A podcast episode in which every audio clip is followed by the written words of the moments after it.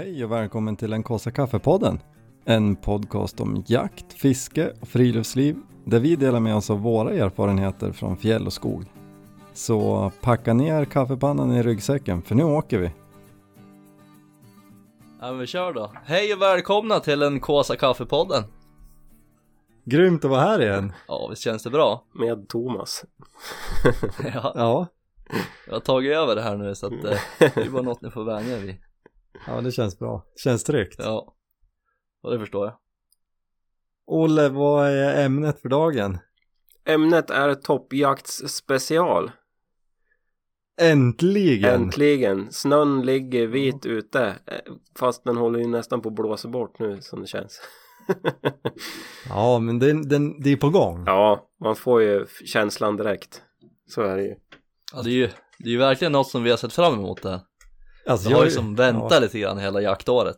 Jag har ju längtat efter att spela in det här sen vi spelade in första avsnittet. Och Mm. inte ens visste om vi skulle fortsätta. Precis. Eller visst och visst, du har ju vetat hela tiden. Ja, men Det var ju jag och Olle som trodde att det var ett avsnitt. det, var, det var bara för att lura in er. Nej men alltså det här känns ju så sjukt kul. Ja, Ett ämne som ligger oss varmt om hjärtat. Ja, vi inte ska för väl, att påstå att vi är kunniga på något sätt men nej, jag vi, tycker det är roligt. vi ska väl försöka dela med oss av eh, de killgissningarna som vi har kommit fram till genom åren. Och så förhoppningsvis Ja, är det men- väl någon som kan ta med sig något av tipsen och kanske blir en lite bättre toppfågeljägare. Ja men precis, ja, alltså som med precis vad som helst som man ska lära sig så gör man ju misstag. Och vi har nog gjort de flesta av dem. Förhoppningsvis har vi ju lärt oss något. Ja men det är det jag tänker. Ja. Men Olle, toppfågeljakt då? Vad är det för någonting? Ja, det är ju jakt på toppfågel helt enkelt. Eller fågel som sitter i träd. De behöver ju inte sitta i topp. Kan säkert sitta på backen också men det har vi ju aldrig lyckats med. Men... För våran del är det väl snöigt vinterlandskap, skidor på fötterna, kulgevär på ryggen, kikare på bröstet och så sen ge sig ut en dag. Bra sammanfattning. Mm. Men vad är det för sorts fågel vi då? Ja, det är ju skogsfågel eller orrtupp, tjädertupp. Det är väl det man är ute efter.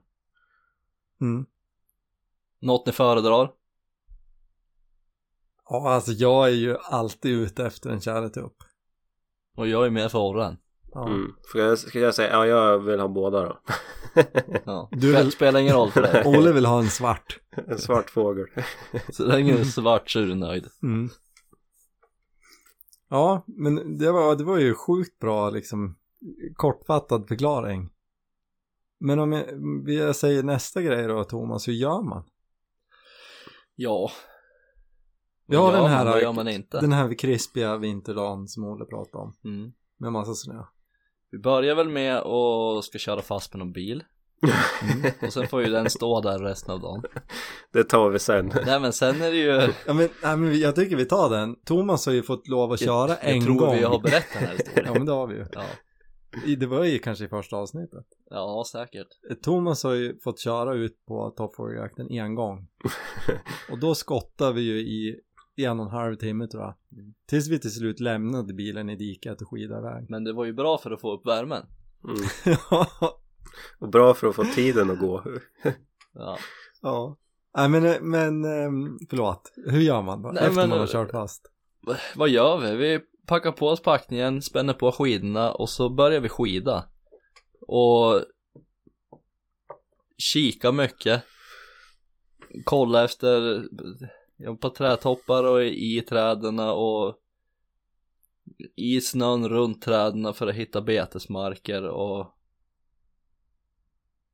Ja det är ju egentligen bara skida Mm. Det kan väl vara och bra hoppas på det och, bästa. bra att kolla typ kartan innan. Ifall man inte har varit på området innan. Absolut. Just för Det gäller ju att ha en plan. Ja, och se ut hur terrängen ser ut för tjock skog kanske inte är så jätte jätteeffektivt att, att jaga fågel i. Alltså man vill ju gärna åt de här lite öppnare vidderna så att man kan spana av större terräng helt enkelt. Ja. Och där har ju du ett bra tips av Viktor. Vad då tänker du? Ja, men med WeHunt. Ja men precis. vi, vi gör ju alltid så egentligen att eh, vi jagar ju på massa olika marker kan vi ju säga först. Vi har ju några fasta som vi återkommer till. Ja, Ehm, men vi testar ju massa olika dagkortsmarker. och det är ju extra kul Mm. att komma på nya ställen. Det, jag tycker det är skitkul bara för att liksom se om det vi tror att vi har lärt oss funkar Mm. när man kommer till ett nytt ställe. Och sen är det bara roligt att se någonting annat. Men då brukar jag börja med, eller jag eller du Thomas är det som brukar rita upp de här markerna. Och göra liksom en IOI-hunt. Mm. Thomas är bäst på att rita gränser. Och så jävla noga. Ja, ja den är bra. Jag är faktiskt också rätt noga. Ja. Nej men det är ju faktiskt ett bra, en bra grej.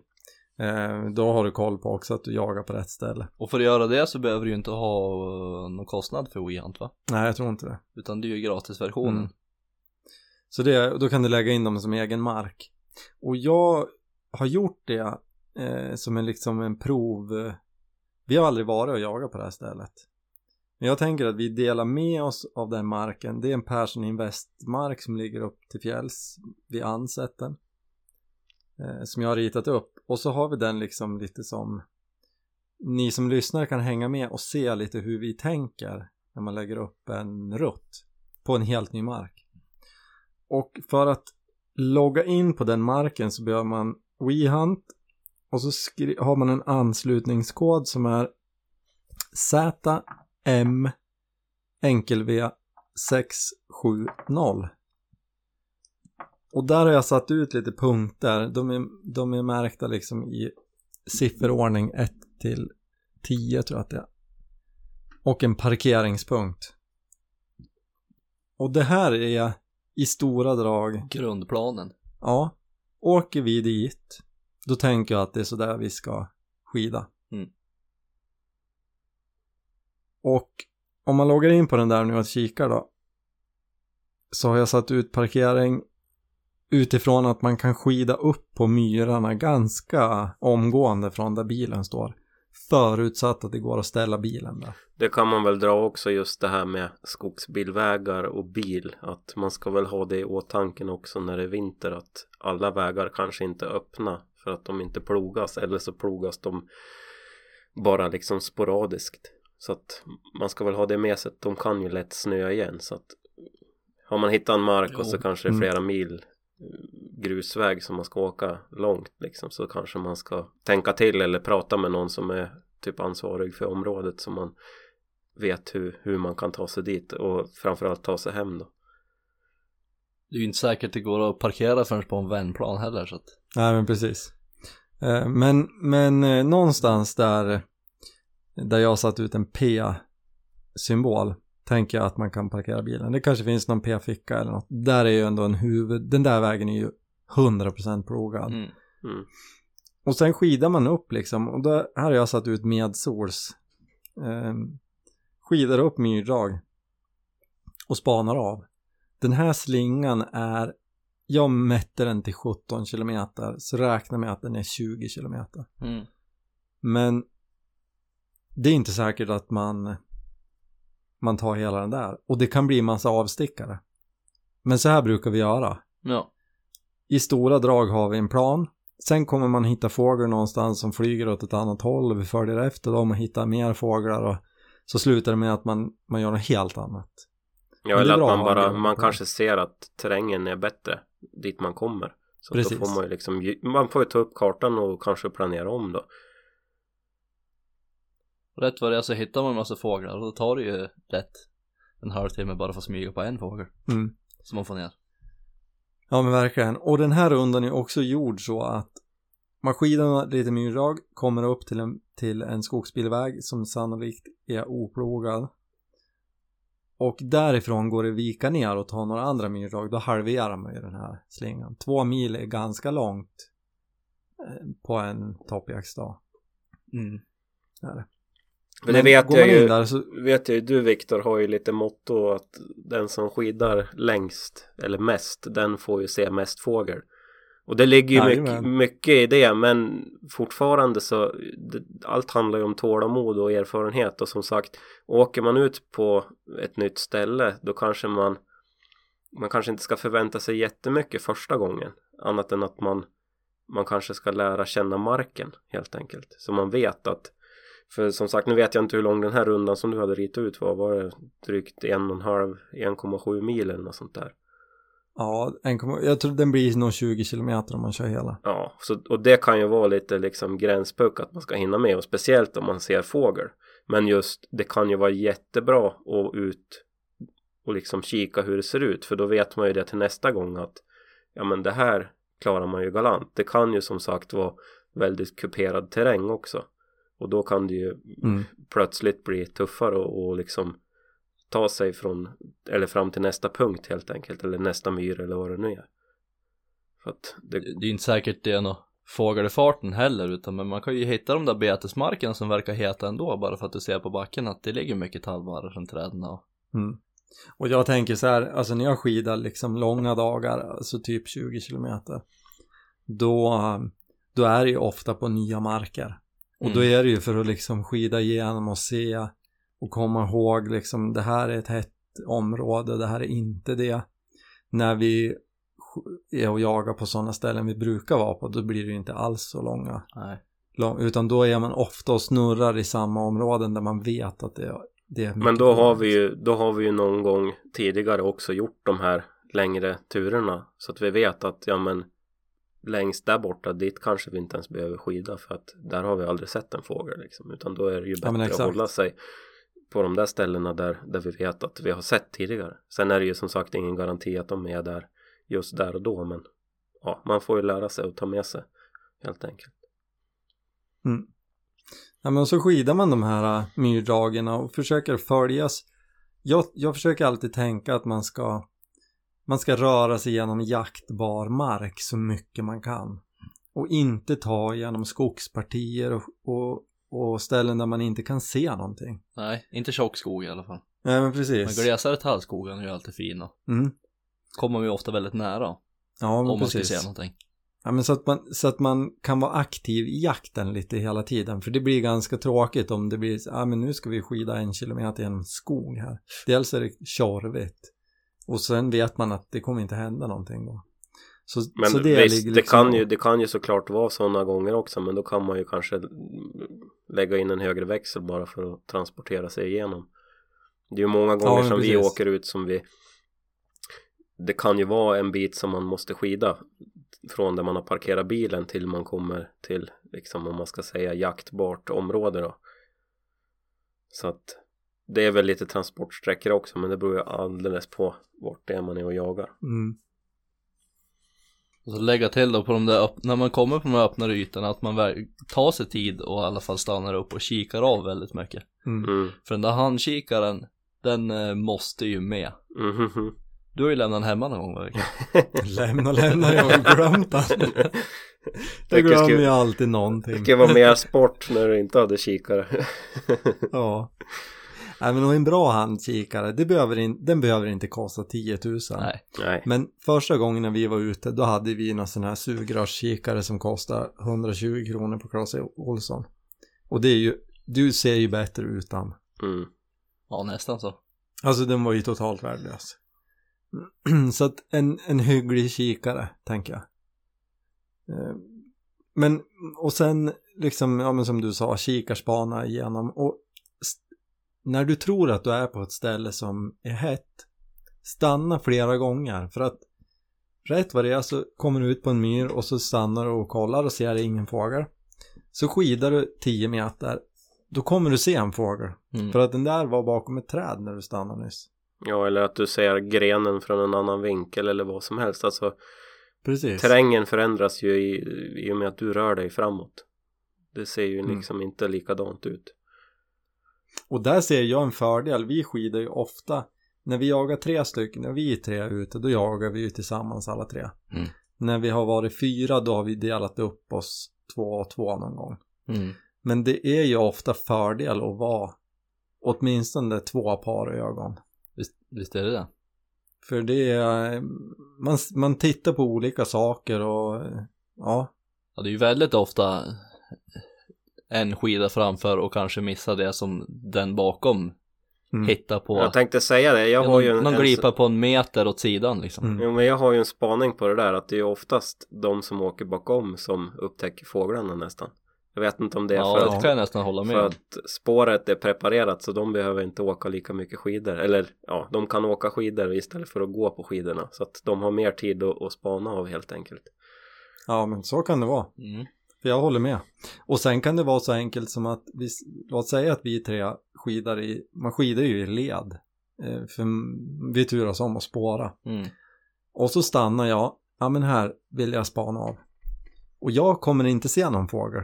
Men du Thomas som står en liten bit bakom mig, du har en lucka. Ja, Så du ser den där fågeln som jag inte ser. Det lilla kan räcka liksom. Ja, jag vet inte hur Så- många gånger det har hänt. Det är ju Ja, ja, det är ofta. Jo. Ehm, nej men så, och så kör man på så. Mm. Och hittar man fågel som man stöter, då kollar man kartan och så ser man att ja men den får ju åt det där hållet och där borta finns det en till myr. Då åker vi dit och tittar för då kan den sitta där. Mm. Då, då får man väl som regel vara lite försiktigare för att de är stött en gång. Jo, mm. de är ju mer var. Men då har du ju också liksom en aning om att det förmodligen sitter, man blir automatiskt försiktigare. Mm. För då kan man liksom ta lite tid på sig och smyga in på den där myren. Och, sen fortsätter man sådär bara. Men det är väl i regel Ja. kanske söka sig just för öppna myrstråk helst eller kalytor eller någonting så att man får en överblick över markerna så att man, man kan spana av. Man vill ju se ganska långt. Ja, Det där är ju, det där är ju eh, bitterljuvt. Ja. För att ibland kan man ju skida ut på en myr, man ser liksom 700 meter. Mm. Och så står man, man ser inte en enda fågel. Och eh, skidar en bit, kollar igen, ser ingenting. Så man konstaterar ju sen att det är ju tomt här. Mm. Då ska du ju skida hela den där myren och veta att det sitter ingen. Nej. Men så är det ju inte. Utan Nej. du har ju alltid de där Ja, ja. Så är det ju. Men, ehm, ja, men och då gör man sådär. Och när man hittar en fågel då, då smyger man in på den och ser till att komma liksom inom skotthåll. Precis. Och förhoppningsvis skjuter man den. och vad, vad är inom skotthåll då? Det ja, där- Viktor har ju börjat skjuta på så himla långa håll. Nej då. Nej men jag, jag tycker att det där ska man ha bestämt innan. Mm. Jag har liksom som personlig regel att jag övningsskjuter ut i 300 meter. Men jag kommer aldrig skjuta på en fågel på 300 meter. Nej. Men däremot så, så gör det mig till bättre skytt på 200 meter. Och jag har som, jag har satt 200 meter på en tjäder. Men har jag drömläge och liksom förutsättningarna är goda för att ta ett bra skott.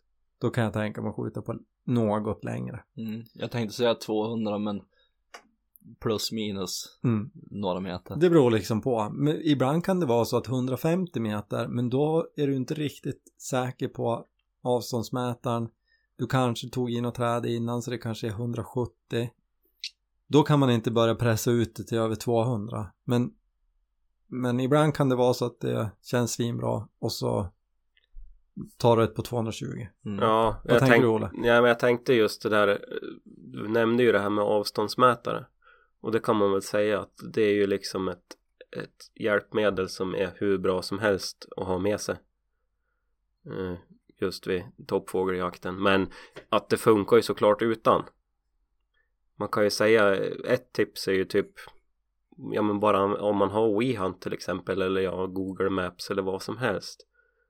Ta fram telefon och kolla på kartan om du har upptäckt en fågel för står du ute på en myr så kan du ju liksom grovt få en uppskattning om hur långt det är. För att det kan vara svårt att bedöma avstånd när det är liksom öppna ytor så. Men som sagt en avståndsmätare är ju helt magisk Det är att ha med sig ja. sen ska man ju säga det Mm. att de funkar ju inte i alla förhållanden heller som sagt är det dimmigt eller snöigt eller sånt så kan ju de vara missvisande också men de är ju ett jättebra Ja, min brukar det stå error i. Dimma. Jo men lärde inte jag dig att det fanns ett regn och dimläge? Ja men det står error då Ja, det gör det. Ja. Mm. När det är riktigt men, risigt. men man ska ju säga det att man så här, man behöver ju inte alla prylar heller utan man kan ju, man ska ju liksom inte tänka att jag, jag kan inte ut och jaga för att jag inte har en avståndsmätare men det är klart att man kan det vi har ju jagat väldigt många år innan avståndsmätaren kom in i bilden Ja. Och den We Hunt-appen är ju till bra hjälp i alla sorters jakter. mm. Ja, ja. Och sen eh, logga gärna in på med koden där och se lite hur vi har lagt upp det där. Det är som, det kan vara lärorikt för alla. Mm. Ja men det, vi kan dra den igen bara. Den där anslutningskoden är ZM enkel V 670. Så får ni lite hum om hur vi, Ja. hur vi tänker. Behöver ni inte åka just dit för att det är ju ett hett Precis. ställe som vi har tänkt är bra men vi har inte hunnit dit än. Exakt. Ja men, eh, ja men det är väl i stora drag hur vi gör, Ja. tänker jag. Eh, marker, vi har ju varit inne lite grann på det. Där finns det jättemycket dagkortsmarker. Speciellt här kring. Ja, i vissa län finns det ju nästan ingenting. Nej. Men kolla liksom på det vi köper från är ju SCA har ja, ju det är skogsbolag kan man väl säga oftast Ja. Mm. och då kan ju det vara olika beroende på vilka län och allting såklart men de brukar ju i Ja, regel ha precis. dagskort och oftast en en som är jaktansvarig hos sig eller ja till och med en flik på hemsidan där man kan gå in och titta på de olika jaktområdena Mm. Sen är det klart, vi har ju inte jättenära till någon av de här markerna heller utan det är ju 10-15 mil till de flesta. Ja, till de vi anser är Ja. bra liksom. Så att det är klart att det kan tänkas att det blir en dyr fågel men Ja. det är ju så otroligt kul så det är det ju värt. Ja, ja, ja. Det är det. Ehm, och ja, men det, det har vi ju, det har vi ju inte varit inne på. Men varför tycker vi att det är så himla kul då? Ja, jag vet, jag, jag vet inte om jag kan svara på det. Nej. Jag vet inte om jag kan säga varför. men en sak är väl just att det blir ju Gemenskap. Ja, precis. Det är ju lite mer gemenskap i den här jakten än, än många andra. Vi är ju liksom tillsammans. Som sagt, det är ju älgjakten som härjar där uppe och det är ju inte så mycket emellan jakterna så är det ju gemenskap men just under själva i jakten så sitter man ju där Och du Mm. sitter ju själv. och nu, nu, nu kan vi åka där allihop och småsurra och ha liksom trevligt hela dagen Mm. fram tills att vi ser den där fågeln, då blir det ju tyst Ja. Då ska vi gärna gjort upp innan vem som står näst på tur Ja. sin skytt. Ja, vi brukar ju turas om. starkast gå sägas. först vi har ju först en obligatorisk brottningsmatch om vem som ska få skjuta. bryter jag arm kvällen innan Nej, på parkeringen innan vi skidar iväg. Nej, men vi brukar ju köra turordning liksom. Mm. Vem som skjuter. Och ja, ja, jag håller med. Det är ju liksom det här äh, gemenskapen, att det är mysigt att dela det. Mm. Det är lite som när vi var iväg på ripjakten nu att Alltså jag var så otroligt glad när ni båda fick skjuta mm. och man, att man verkligen får dela det här. Alltså det, jag, jag kommer ihåg när, ja men då hade vi delat upp oss, då var vi fyra ute. När du och jag Thomas stannade och så stannade vi och tog en paus så kom det en orret upp och flög och satte sig ja, precis som den satt ju och tittade på oss från där den hade satt sig. jo, Men- vi stod ju helt öppet mitt Ja, ute på sjön Vi på stannade ju på ett dumt ställe. Eh, Men sen, visst var det samma som flyttade sig en bit Ja. och så smög det in och sköt på den. mm. Alltså jag kommer ihåg det där mer än, än en del av fåglarna jag skjuter. Mm. För det är så häftigt att få dela det där liksom. Jo.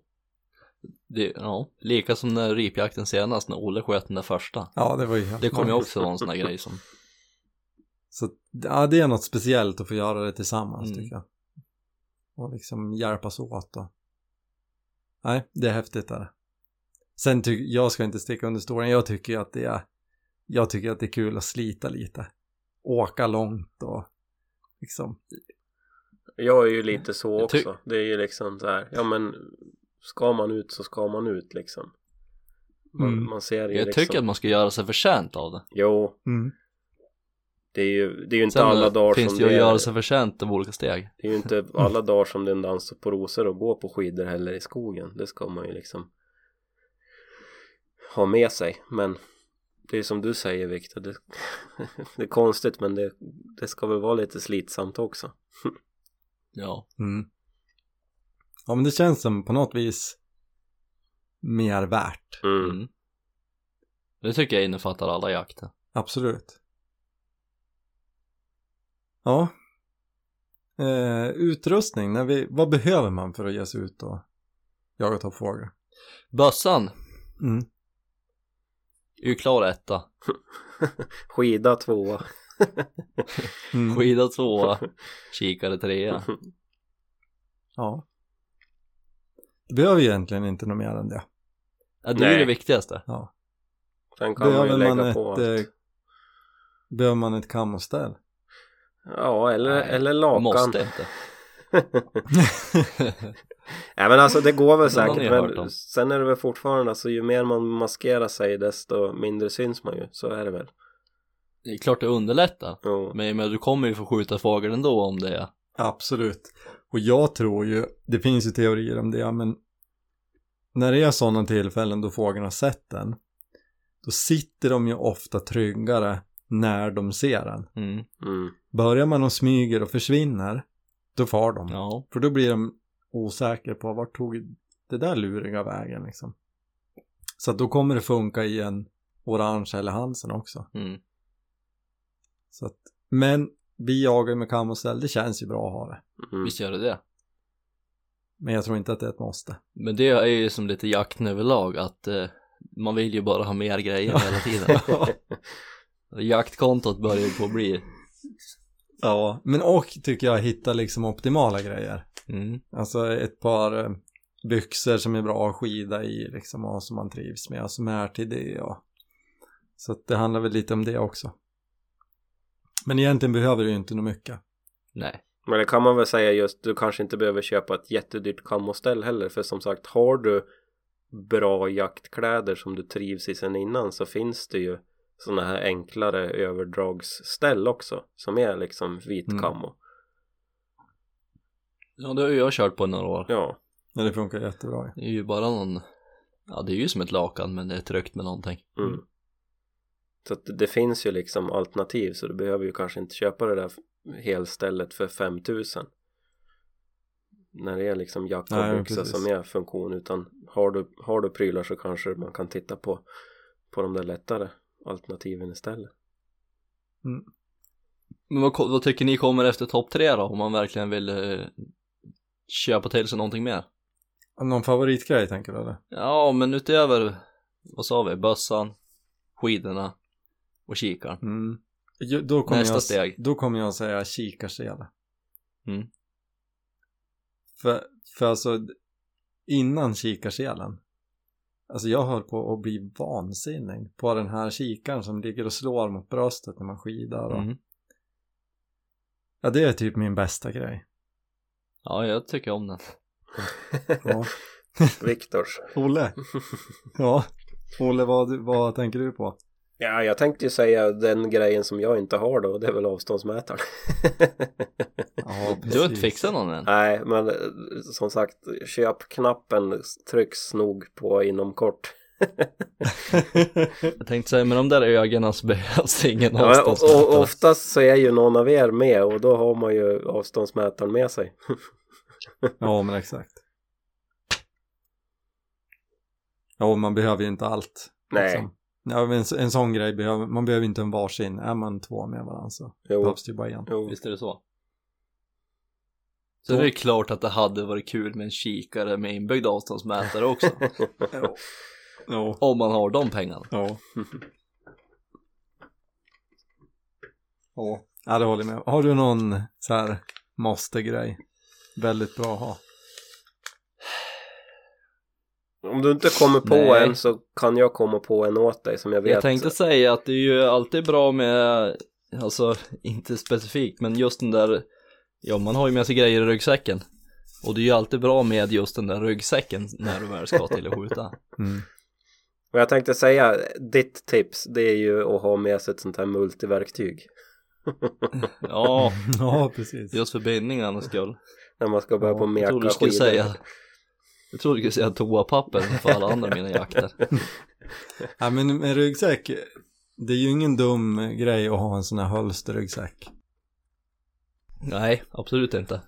För, Ja, det har vi ju också, det vad heter det, provat alla dess slag. Man började ju med mm, bössan på axeln och det funkar. Men eh, det blir ju liksom lite lesamt efter ett tag när den där far och glider fram och tillbaka så man måste rätta till den hela tiden för man går med stavar och allting. Så att alltså när man skaffade ryggsäcken så vart det ju sån himla skillnad på att liksom ta sig Ja. fram. Lika, li, min- lika som du säger den här kikarselen alltså som lägger kikaren mot bröstet istället för att den ska hänga och slänga. Alltså allting funkar ju men det handlar ju om saker som, som gör det enklare helt enkelt. mm. Ja men jag tänker bara så här med att ha bössan i rem. Jag hade min fastspänd ett tag innan jag hade en hölsterryggsäck. Då drog jag fast den på ryggsäcken. Då satt den ju ändå bra. Men det satt ju liksom, det kom snö överallt och. Men jag, jag tänker på två grejer. Jag har en story när jag haft, det var inte med skidor på fötterna men eh, men och du skrotade ju en gång med bössan i rem. Ja, den var ju borta då ett tag.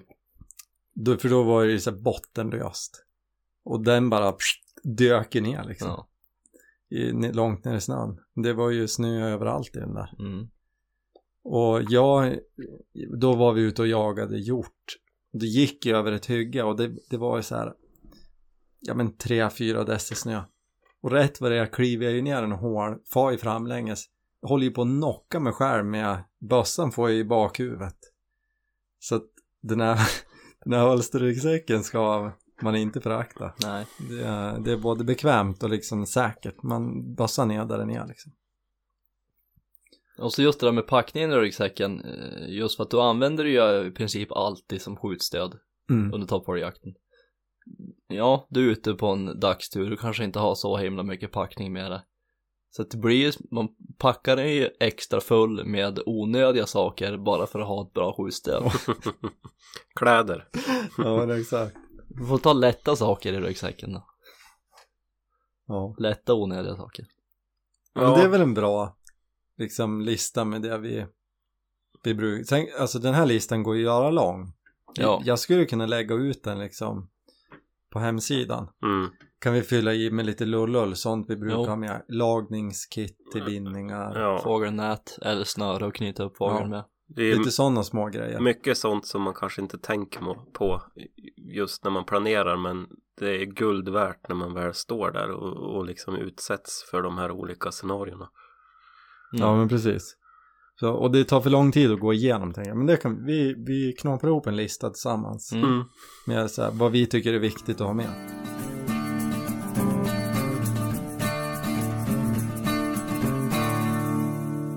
Kör vi in på lite frågor nu då. Ja men det tycker jag. Vi har jag hade en väl en hel del så vi måste väl kanske börja beta av.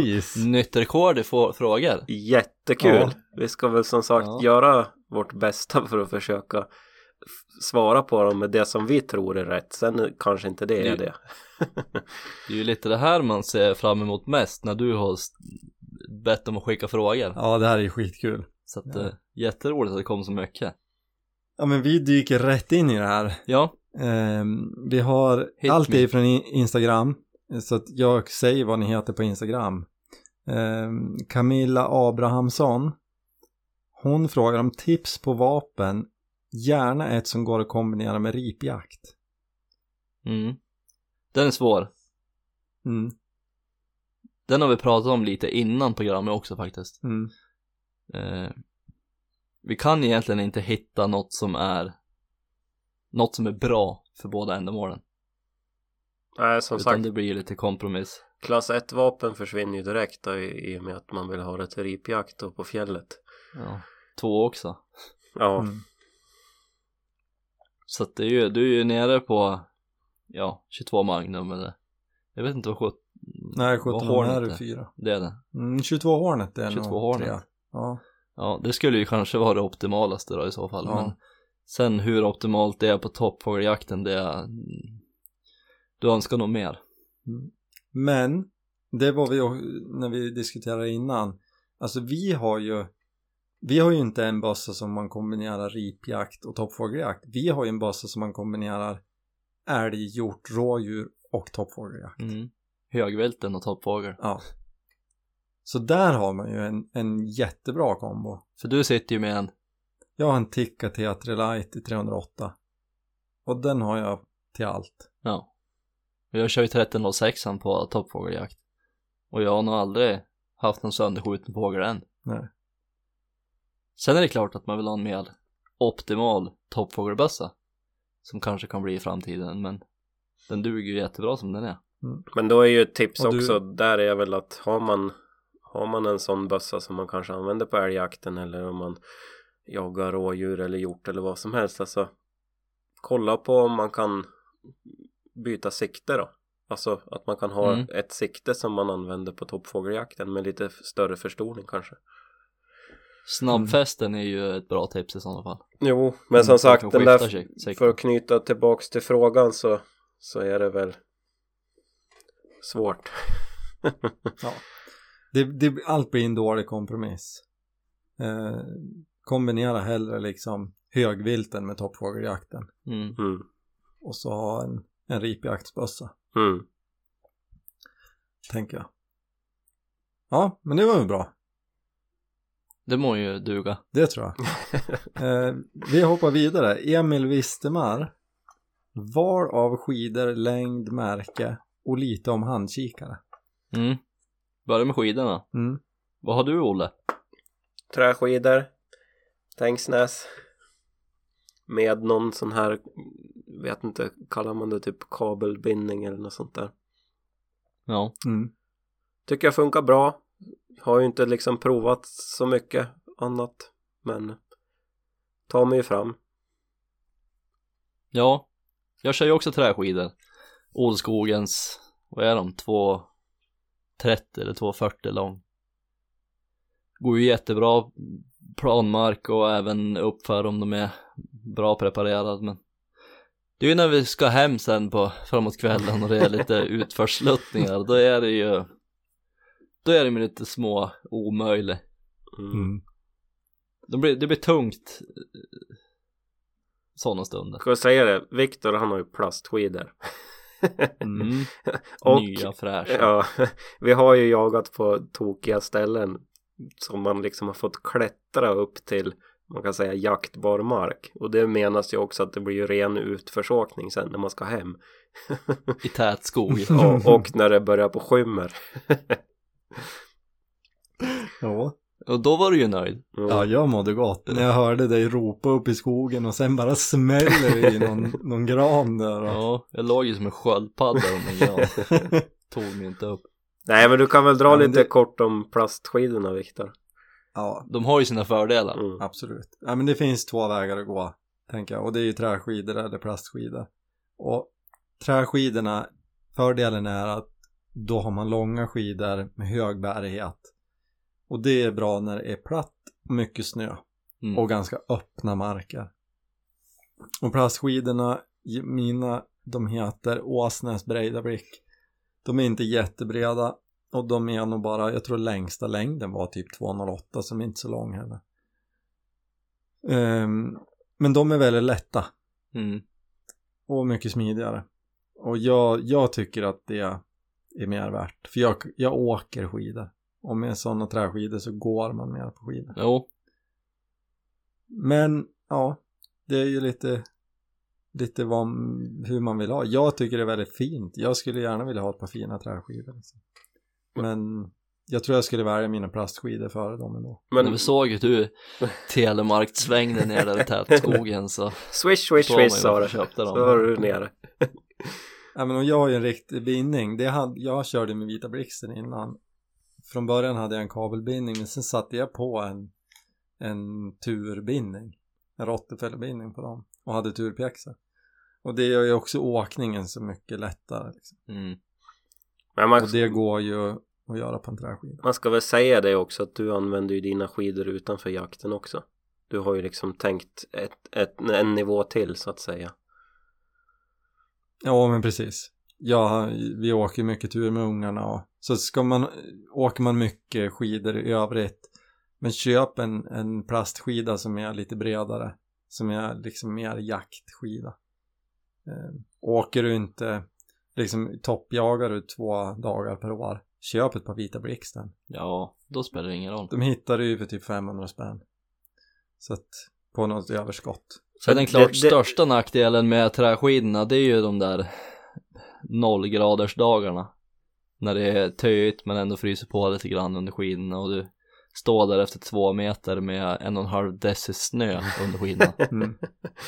Då- Då känner man ju bara att man har ångrat att man åkte ut överhuvudtaget. En eh, positiv grej om man kan säga det men just träskidor och, och alldeles beroende på vad, för, vad du har för bindning såklart då men oftast så kan du ju använda eh, pjäxor eller stövlar alltså sånt som du redan har. Ja, Ja, men precis. så att det finns ju så, såklart fördelar och nackdelar med allting men du har ju fördelen med varmare skor. Till, oftast. Ja, ja, ja, beroende på om man köper pjäxor. Jag har ju, alltså, Jo, men då kostar de ju 17 oftast om det är varmare pjäxor till ja, riktig bindning. ja, de är ganska dyra. Om man ska ha en bra pjäxa. Det. Ja. ja, men man får välja lite vilken väg man vill gå, träskidor eller Det plastskidor. har ju mest med smidighet att göra. Men jag Men tyckte, jag tyckte det där som du Mm. sa Viktor så här, ja men ska man jaga två gånger på ett år, ja men köp ett par vi- vita blixten liksom. Alltså det behöver ju Mm. inte vara, man behöver ju inte ha det värsta alltid. Nej. Precis. Ja, Mr Moosehunter, han undrar vad som är viktigast att träna och, och träna innan. Skytte eller skidåkning? Thomas? Jag skulle ju säga Jag skulle säga skytte alla dagar i veckan. Sen den där skidåkningen, det beror ju på om du har plastskidor eller träskidor Nej men det är väl inget snack, det är Nej. skyttet som är. Jo. Sen Man kan, vill ju alltid känna sig trygg när man lägger sig där jo. Spendera en halv dag med att leta en fågel som man såg träffats men ändå flyger iväg Det är ju inget kul nej. Eller skida en hel dag, få en chans på en fågel och bomma den för att man inte har övat tillräckligt. Ja, Sen kan Så det, det är ju, inget snack. det kan ju vara bra att ha lite skidvana också. Sen är det ju alldeles beroende på terräng. Det är väl inte lika viktigt ifall det är mycket platt åkning och man kanske har någon som är mer van med sig som kanske spårar åt en. Då kan det ju bli väldigt behagligt att åka slash gå på skidor. Men som sagt, Ja, blir, men blir det mycket utförskörning då kan det ju vara mycket tid som, som går åt till att försöka kravla sig upp från backen också. ja, men sen Ja. kan vi tillägga det där med runt skytte också att det är ju inte bara själva skjutningen utan även runt omkring eh, just kunskapen med eh, ammunitionen, att du har den på innanför jackan, att den är varm och att den du åker inte runt med den i bössan hela dagen och- för att mm. Du ändrar i träffpunkten. Mm. Ja men alltså Ja, som det där som du var inne på förut också Thomas Det har väl lite med skyttet att göra just att Man ska väl kanske övningsskjuta med just ryggsäcken som skjutstöd. Det har ju vi gjort tidigare. Alltså Ja, utanför jakten bara så att man liksom blir be bekväm med det också. För ofta så lägger man ju sig ner i djup snö och så har man ju liksom ryggsäcken som sitt enda stöd. Så att då ska man ju någonstans känna att ja men det här känns bra man vill ju ha så jaktlig situation som möjligt, även Mm. på skjutbanan. ja, Har du något att tillägga? nej, vi är rörande överens. Mm. Skyttet är superviktigt. Det är det. Skidåkningen är ju, det kommer bara handla om liksom hur långt du tar dig. Ja, Men skyttet är ju absolut viktigast. Om inte annat liksom ur etisk synpunkt. Ja men vi hoppar vidare till nästa. Grenen 89. Hur kommer man igång när man bor långt från toppfågeljakten? Ja, Ja, hur vet jag inte, det är ju bara att ta sig kragen och göra det. ja. Bestämma sig för att åka ut, pl- planera för den dagen. Ja men det är väl någonstans det som vi pratade om tidigare och försöka Ja men någonstans kanske pricka in vart Vart man vill hamna Alltså vart man vill åka och jaga det kan väl vara jättesvårt men alltså Säg Jämtland då Och så börjar man på att titta där då då, då kanske man hittar lite områden ganska fort. Och så är det väl mest bara att bestämma sig för ett område då. Mm. Och jag tänker att bor man väl, jag vet inte vad långt ifrån vad, han- vad, vad den här personen menar med det men men eh, vi, låt säga att det är 70 mil. Ja men planera in liksom att eh, de här fyra dagarna eller tre dagarna då ska jag jaga toppfågel. För att mm, då kanske det blir värt att åka det, liksom Mm. åka upp eh, vart det nu kan vara och jaga. Så att eh, istället för att åka upp för en, en dag för då det är svårt den där första dagen liksom. Och jag tänker med de avstånden så vill man ju gärna, då får man ju nästan ge sig ut och söka lite information gärna på Facebook eller vad som helst med Mm. Bara för att höra lite grann ungefär vilka områden som kanske funkar lite bättre också för man vill ju gärna inte åka 70 mil till ett ställe där det Nej, kanske precis. inte finns något bra med fågelmarker överhuvudtaget Nej. bara för att man hittar en mark som det går att göra det på Nej men exakt. Nej men så att jag, det är mitt enda tips liksom att ja men om du har väldigt långt att åka så försök att planera in och kunna jaga några Allt. dagar i rad. Alternativt så bokar man ju in en guidad tur med en kåsa kaffe Det, ja det är också ett alternativ. Man ringer Viktor så fixar han. ja. ja. Ja, men det, det, är väl kan- inte så här, är man helt grön så är det väl inte jättedumt. Alltså, även fast man kanske inte bokar någonting men i alla fall rådfrågar någon eller pratar med någon som kanske har varit ut tidigare så att man blir pekad i rätt riktning i alla fall. Det Mm, kan väl ja. vara mycket. Jag, har, eh, jag har faktiskt gjort den på hemsidan enkasakaffe.com förutom att boka guidning så kan du så jag har lagt upp en karta, en Google Maps där och då har jag lagt upp liksom punkter på olika dagkortsmarker som jag brukar åka till och där går att hitta info om, om vart man får tag i jaktkort då. Mm. Men, så kolla där Eh, för det är bra ställen liksom mycket matnyttigt Ja men det är det. Ja, det är nog en bästa tipset vi kan ge tror jag. det tror jag Absolut jägare. Vad är egentligen bra fågelväder? Och det har ju Oj! inte vi listat ut Om man säger så här, vi har ju varit ute i ur och skur. Kanske inte i varje scenario, men alltså vi har ju varit ute när det är 25 grader kallt, krispigt. Vi har ju varit ute när det liksom är plus två grader och storm och det regnar på tvären. Och vi har ju liksom försökt knäcka den här koden men jag vet inte riktigt om vi har kommit fram till någonting eller vad säger du Viktor? Nej, vi- alltså vi, vi hittar oftast fågel. Men jag skulle väl säga att alla väder är bra utom storm. Det går att hitta fågel i storm också men det är stökigare och skyttet blir svårare. Och sen det här som vi trodde från början med jättekallt och jättefint.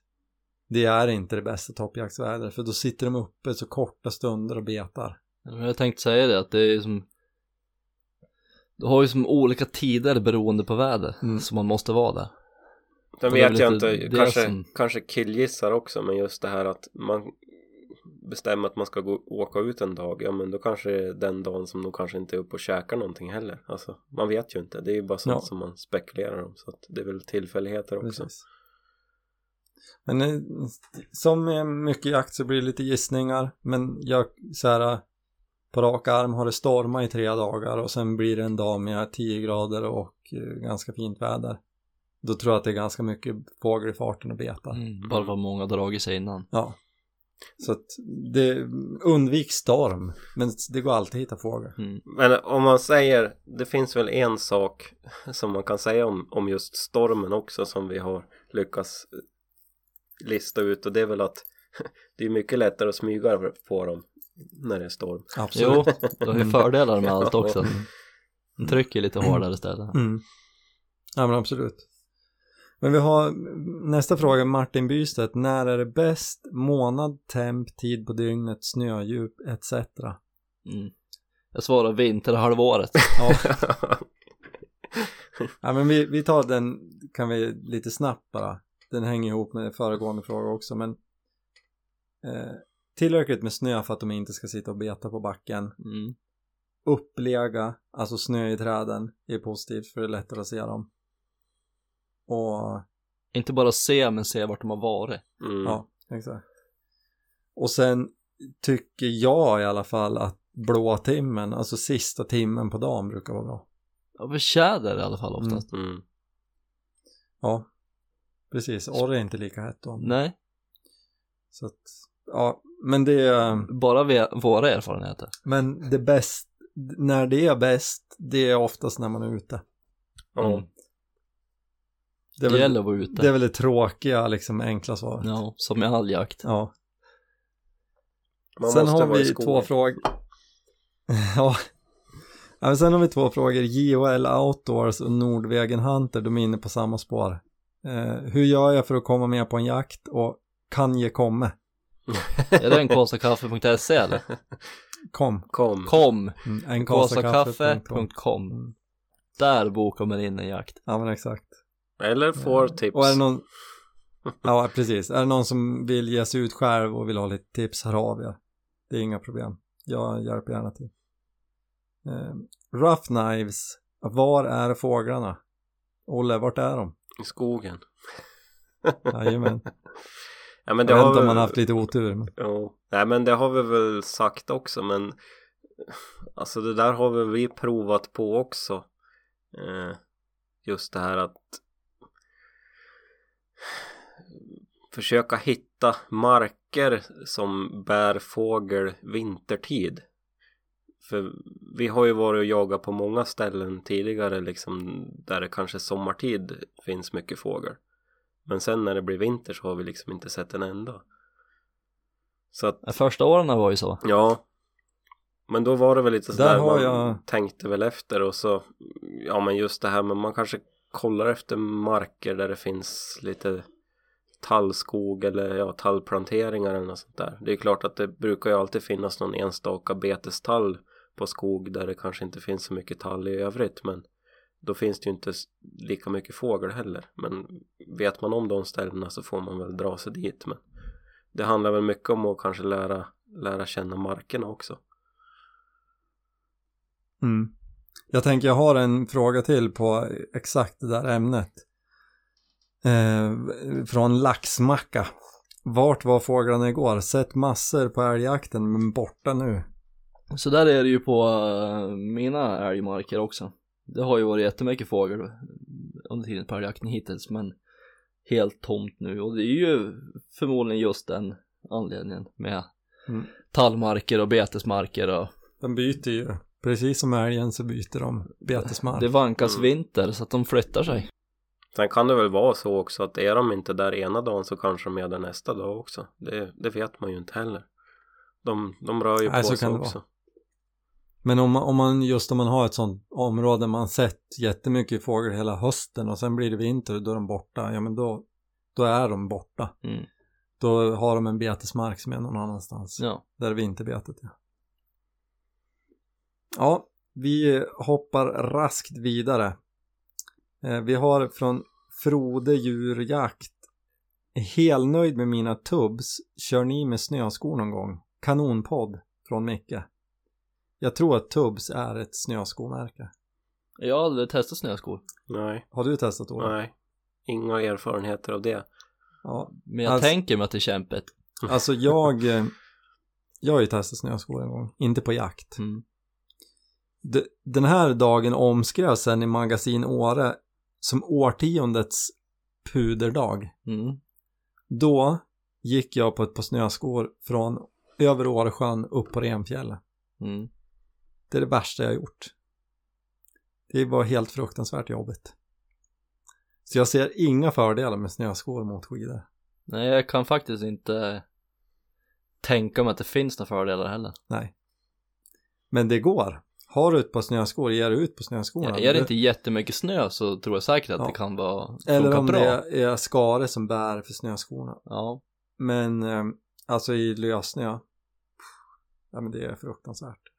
Om, de, om inte ens snöskorna bär. men det är enligt ditt mantra att du ska komma så lång bit som möjligt för att se så många fåglar som möjligt, då finns det absolut ingen fördel med snöskor. Nej, absolut inte. Vilket före än är. Absolut inte.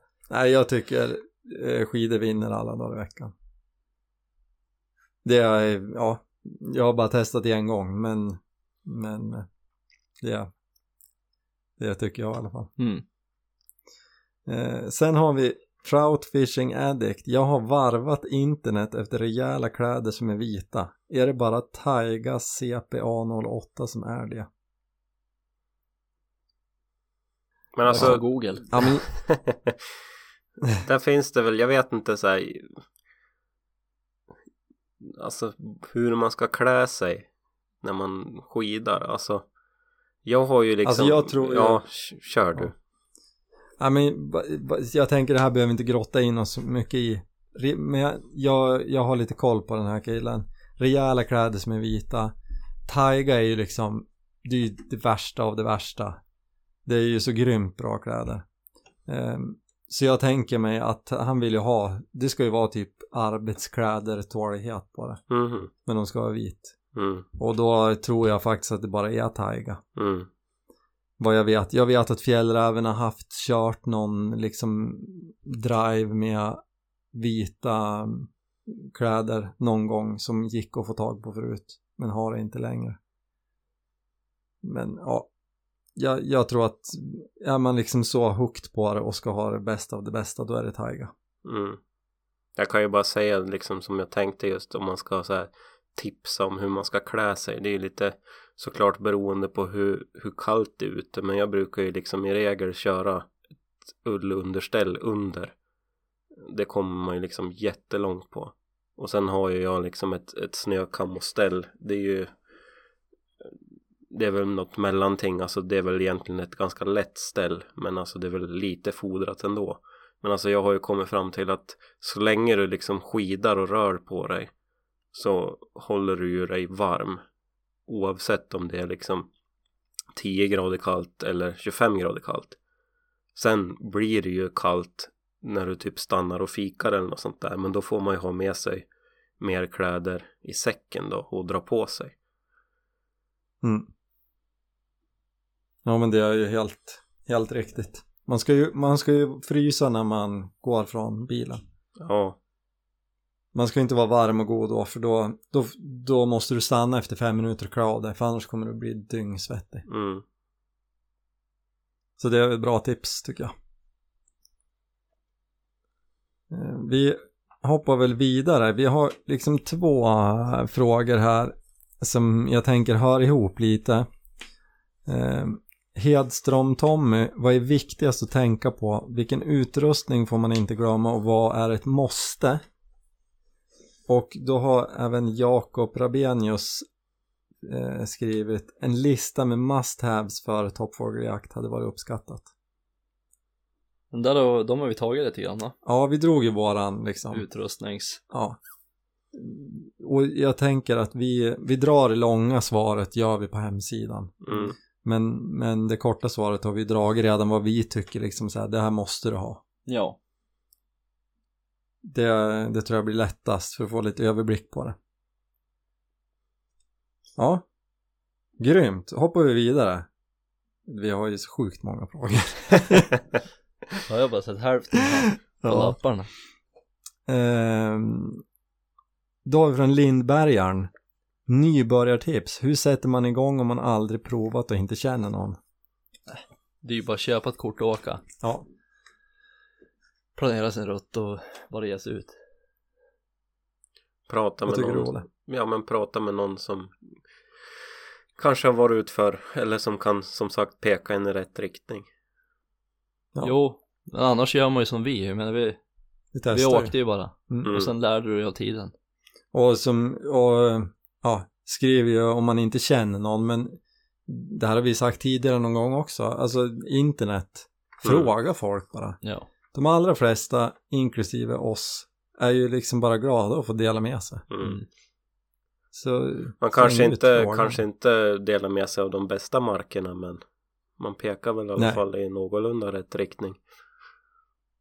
Ja, jag tror ju inte att någon kommer liksom lura det om du ställer Nej. frågan. Men, men frågar du mig så här, vart ska jag åka i Jämtland? Ja, jag kan peka det till ett bra jaktområde, men jag kommer inte säga exakt vart fåglarna sitter. Men jag visar det gärna liksom. Mm. Pekar i rätt riktning. Men jag, jag, så att fråga folk bara, till höger och vänster. Ja. Och ge det ut, det är det lättaste. Och sen, ja det här är ju en bra fråga. Längsta turen gjord på Vita Blixten. ja.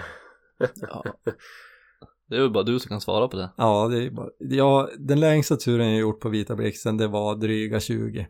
21 kanske. Men då var jag rätt mör när jag kom tillbaks till bilen. Mm.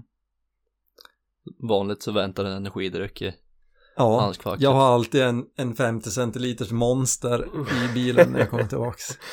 Och det var faktiskt en dag jag vart så, jag hade, jag var nog så slutkörd att jag vart riktigt dålig av att käka godis och dricka den där monstern. så svett Ja, men det var helt sjukt. Och jag, jag har faktiskt gjort två sådana här två milsturer på Vita Blixten. Och den ena, då sköt jag på en, bommade jag på en tjäder precis på slutet av dagen som for iväg åt fel håll. Och så, så, eh, eller fel håll, den for mot grannmarken. Så jag följde efter den där bara för att se så att den inte var skadeskjuten. Och hamnade ju långt från bilen. Och jag var så trött när jag skidade hemåt. Och det var, det var snöstorm hela dagen. Mm. Och det var sista dagen på säsongen. Och jag, jag visste att jag hade en Snickers, jag hittade den inte i ryggsäcken. Så det slutade med att jag, jag hade en sån här pulver och påse.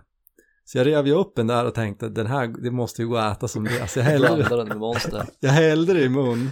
Och, och det var ju torrare än en öken. Så jag tog ju, varvar ju liksom O'boy-pulver och snö. Jag tänkte säga att du kunnat rört ihop det i en mugg. Ja, nej men det hade, jag ville ju hem. Ja. Och så hade jag ingen mottagning tror jag, så jag kunde inte höra om Jenny var ju orolig för jag var ju borta för länge. Och... Så att det var, en, det var också en sån två mils dag på Vita Blixten. Kunde ju ändå inte prata för att du är full av munnen med O'boy. Ja. Nej, så det var, det, det är också anledningen till att jag kör plastskidor. Ehm, så har vi råraker och sprit. Vilket kokkaffe gäller och val av kläder. Kläder har vi dragit lite grann. Det behöver inte vara några konstigheter. Nej, det är bekväma kläder. Och vilket kokkaffe gäller? Ja, alltså kokkaffe. Riktigt Mm. god kaffe. Ja, Den där frågan fick vi väl när vi var ute på ripjakten också va? Ja, ja precis. Alltså jag, vad, vad, jag har Arvid Nordqvist nästan jämt. Jag tycker det är bra. Jag tycker det ska vara rivet bara. Ja. Mm. Är Häller, du på mer så blir det mer rivigt. Oavsett vilken Ja. sort. Mm. Eh, sen hoppar vi vidare. David Falk 98. Vilken typ av skida föredrar du ni? Är de långa, smala eller korta, breda? Det har vi också varit inne på. Ja. Det är lite beroende på eh, före och marker. Mm. Och hur ofta man är ute. Ja, Du, du kommer ju ta dig fram oavsett. Sen så blir det ju lättare eller svårare helt enkelt. ja men precis. Eh, sen har vi, jag ska säga, jag tror att det är två som har typ samma fråga. Eh, jag undrar om det här IR Dogs eller om det är IR Dogs. Alltid fascinerad om man jagar med exempelvis 308. Hur fasen har man koll på vad som är 5 kilometer? Och så har Simon Olofsson skrivit Hej, vad har ni för tankar och resonemang kring säkerhetsavstånd för nedslag? Ja, det där är ju klurigt där. Mm. För det är ju farligt. Men vi ser ju till att jaga på sådana marker där det inte finns någonting. Bakom överhuvudtaget. Nej. Och det här tycker jag är en av nackdelarna med att förlänga toppfågeljakten. För vi bor ju i ett ganska turisttätt län. Mm. Men i januari så är det inte så mycket folk ute. Nej. Men börjar man liksom komma in i februari Mest mars. Ja, absolut. Men ju längre liksom fram man kommer desto mer folk är ute. Mm. Så jag kommer nog tänka ännu mer på det när man är ute i februari Mm. än i januari. Men det, det, det har ju vi liksom gjort flera gånger också så här att ja men typ när vi har delat på oss eller vad som helst att vi vet att åt den där riktningen då skjuter vi inte Eller liksom att i Nej. den där riktningen så finns bilen eller att i den där riktningen så kanske det är motbebyggelse eller någonting. Det, det är ju liksom lite sånt som man får ha, ha med sig. Men det är ju som, Ja. som du säger Viktor också att vi jagar ju oftast där det är liksom väldigt öde eller vad man ska säga. Det är långt till närmsta Mm. by Men då eller vore ju väg allt att smyga runt fågeln. Ja, Om det ska vara så. Och sen kan väl också som en, en bra tanke vi försöker ju tänker jag så långt det går att skjuta mot marken man jagar på. mm. Om man har en dagkortsmark så tycker jag att man ska försöka ta reda på om det är fler ute. En del talar inte om det per automatik. Utan då får man fråga det när man köper jaktkortet. Vi var ju och jagade på ett ställe i fjol. Då löste vi ju kort samtidigt som en annan. Mm. Och då bytte vi ju WeHunt-uppgifter så vi kunde se varandra. Och när vi liksom jagar på, men på din mark Olle, då, det är ganska smart att försöka skjuta in mot sin egen mark. Så jag vet att den här kulan den kommer ta i backen på marken som bara vi är på. Mm. Mm. Det kan ju finnas någon där som inte är ute och jagar. Eh, Det vet man ju inte. Nej. Men, men någonstans får man göra det så säkert man bara kan. Liksom. Mm. Jag hade haft ont i magen om jag jagade liksom på små marker. Eh, Byar runt ja, omkring och... ja, det går, då går det ju inte. Nej. Det får man ju, då får man skita i det. Eh, Espen Söräng. Vår viktig är snökammo på toppfågeljakt. Nej, det är klart det underlättar men så viktigt är det ju egentligen inte. Det här är för övrigt vårt största Norge-fan. Ja, Mhm. det är kul. Mm. Ihärdig. Ja. När kommer han? ja, jag hoppas det. Men han bor långt bort. Jag, vi har ju pratat om att jag ska fara dit och jaga hjort. Men det är, han bor långt Bara bort. du? Ja, ja. ja. Nej, men det är inte speciellt viktigt med snökammo. Nej, det är klart det är bra. Mm. Men absolut inget måste. Det är hellre bekväma Eh. kläder som man trivs i. Ja. Ja, men precis. Den här är till dig, Olle. Tegsnäs eller Försvarets vita blixten? Pjäxa eller käng... kängsnara? Viktor Holappa. Ja, precis. Vad Du har ju du, testat. vad sa du Thomas? Kängsnara, över kabelbindningen. Jaha, ja. Nej men jag kan väl dra det. Jag har ju, jag började ju karriären med ett par gamla vita blixten efter morfar. Eh, de tog mig ju fram dit jag skulle men de vart väl en decimeter kortare för varje tur jag var ute för de var väl så gamla och nötta. Eh, men som sagt, det gick ju att gå på dem också men nu har jag ju tegsnässkidor och det är ju liksom om man ska jämföra de två så är de här hundra resor bättre men det är väl just för att de är hel. Jo, de var ju slätna dina skidor. ja. Men eh, Smidighetsmässigt då? ja, de är ju inte smidiga, det kan man väl inte påstå. Alltså, det är ju bra att Då var välja. blixten bättre. Ja, de är ju lättare framför allt.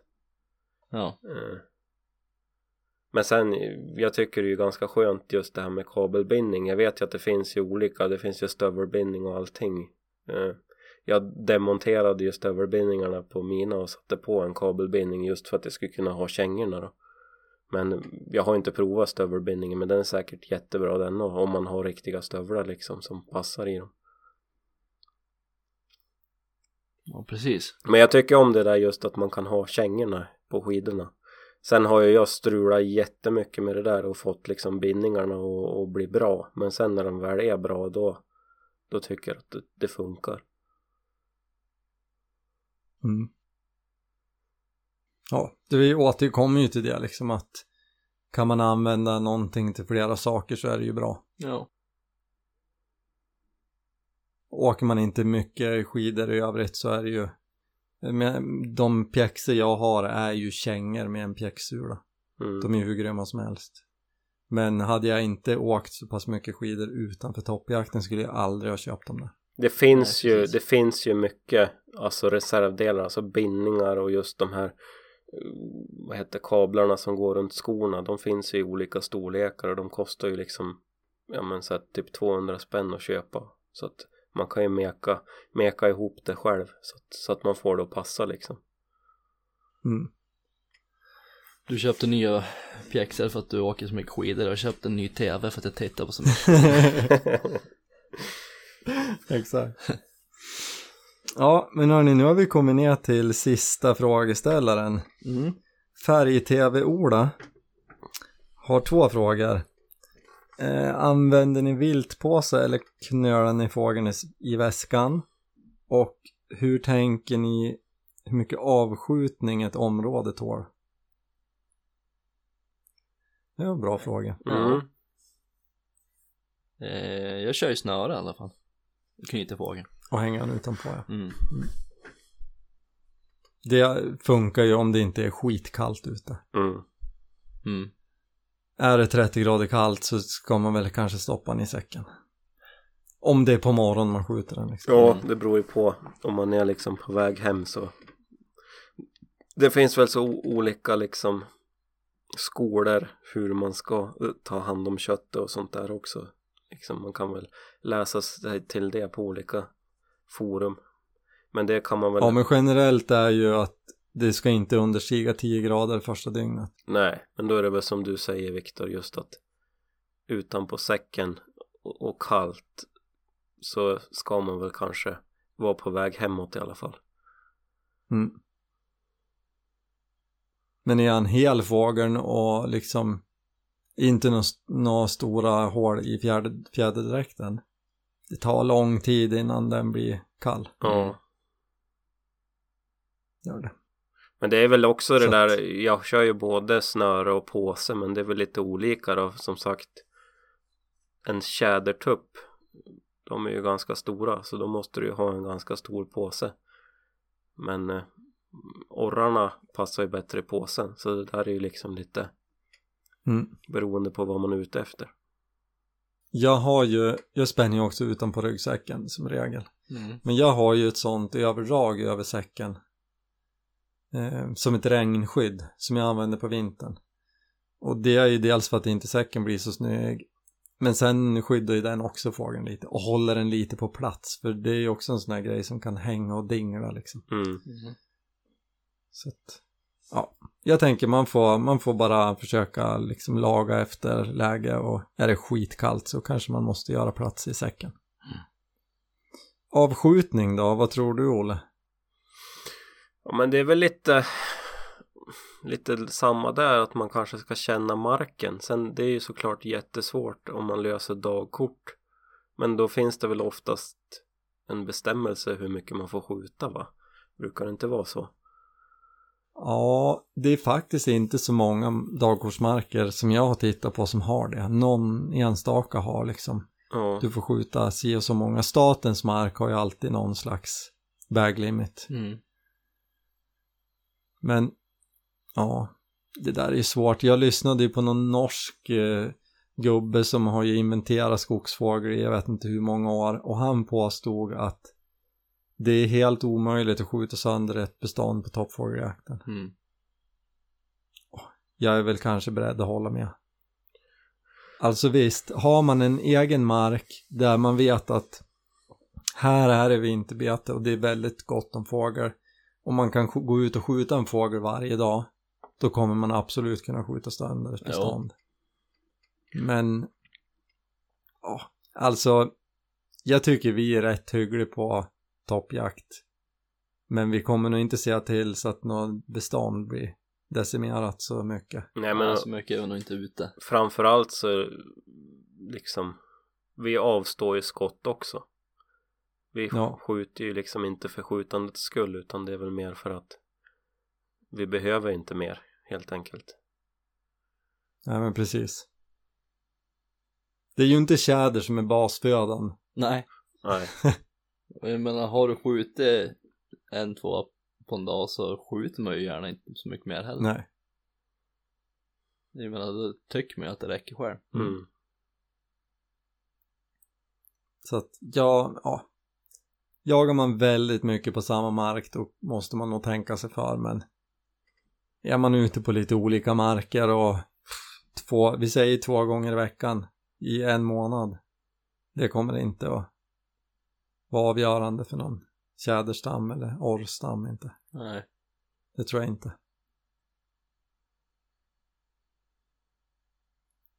Så Nej. jaga bara med förnuft. Ja. Det är väl det viktigaste. Mm. Ja men då så. Nu har vi betat igenom alla frågorna. Ja. Mm. Det blev ett långt avsnitt. Ja. Men det är värd. Det här hade kunnat bli längre, vi hade Ja. kunnat tugga på hur länge som helst. Absolut. Vi försökte hålla det kort. Ja. Nej, men man ska, ni kanske... ska väl säga det att som vi liksom babblade om i början att det är ju det är ju någonting magiskt med den här jakten också. Just det här att de här dagarna när det är upplega och det är lite kallt ute och man kommer ut alltså det är ju inte bara bara själva jakten utan det är ju just att vara där där man är och se allt som man ser. Alltså det är väl hela Mm. det är helheten i stort. Det är det som som gör det. Sen är det ju såklart som med allt annat att får man se en fågel så gör ju det bara saken bättre men liksom tycker man om att vara ute och, och uppskattar och liksom röra på sig så är det ju liksom ett måste att prova på Ja, det håller jag med om. Mm. Det ja, det är något alldeles speciellt. Och det hör ni ju som lyssnar att det ligger oss varmt om hjärtat där. Mm. Visst är det så. Det är nog inte mycket som kan konkurrera med det här. Nej. Nej, det är verkligen en grande finale på, på jaktsäsongen. Mm. Och få avsluta den som vi pratade om tillsammans och jaga tillsammans. Liksom. Mm. Ja, men nu rundar vi av det här nu då. Vi, Tackar väl för oss bara. ja men det gör vi. Mm. Och tack för alla frågor som har dundrat in. ja Otroligt roligt. jättekul Riktigt kul att det kommer så Mm. mycket. Gillar ni podden så dela den. Hej vilt. Ja. Det tycker vi är kul. Tipsa alla om att lyssna på det här. Ja.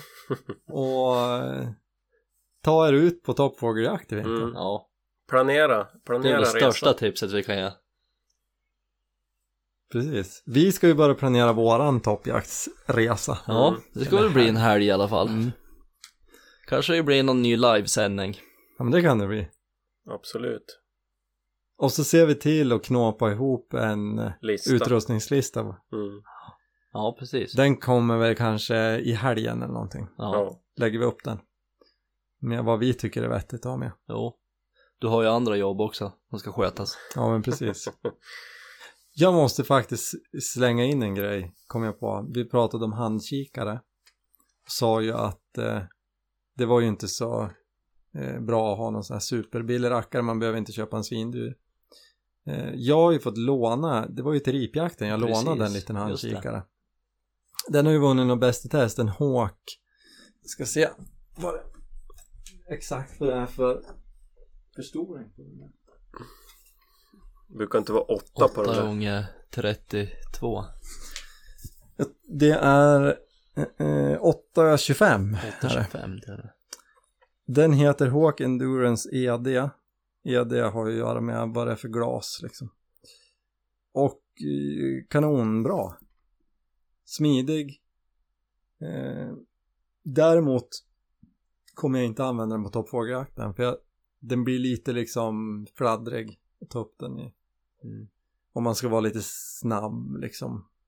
Men eh, så superbra kikare att ha i ryggsäcken på fjällturen eller Ja, den såg ju absolut smidig ut då. mm.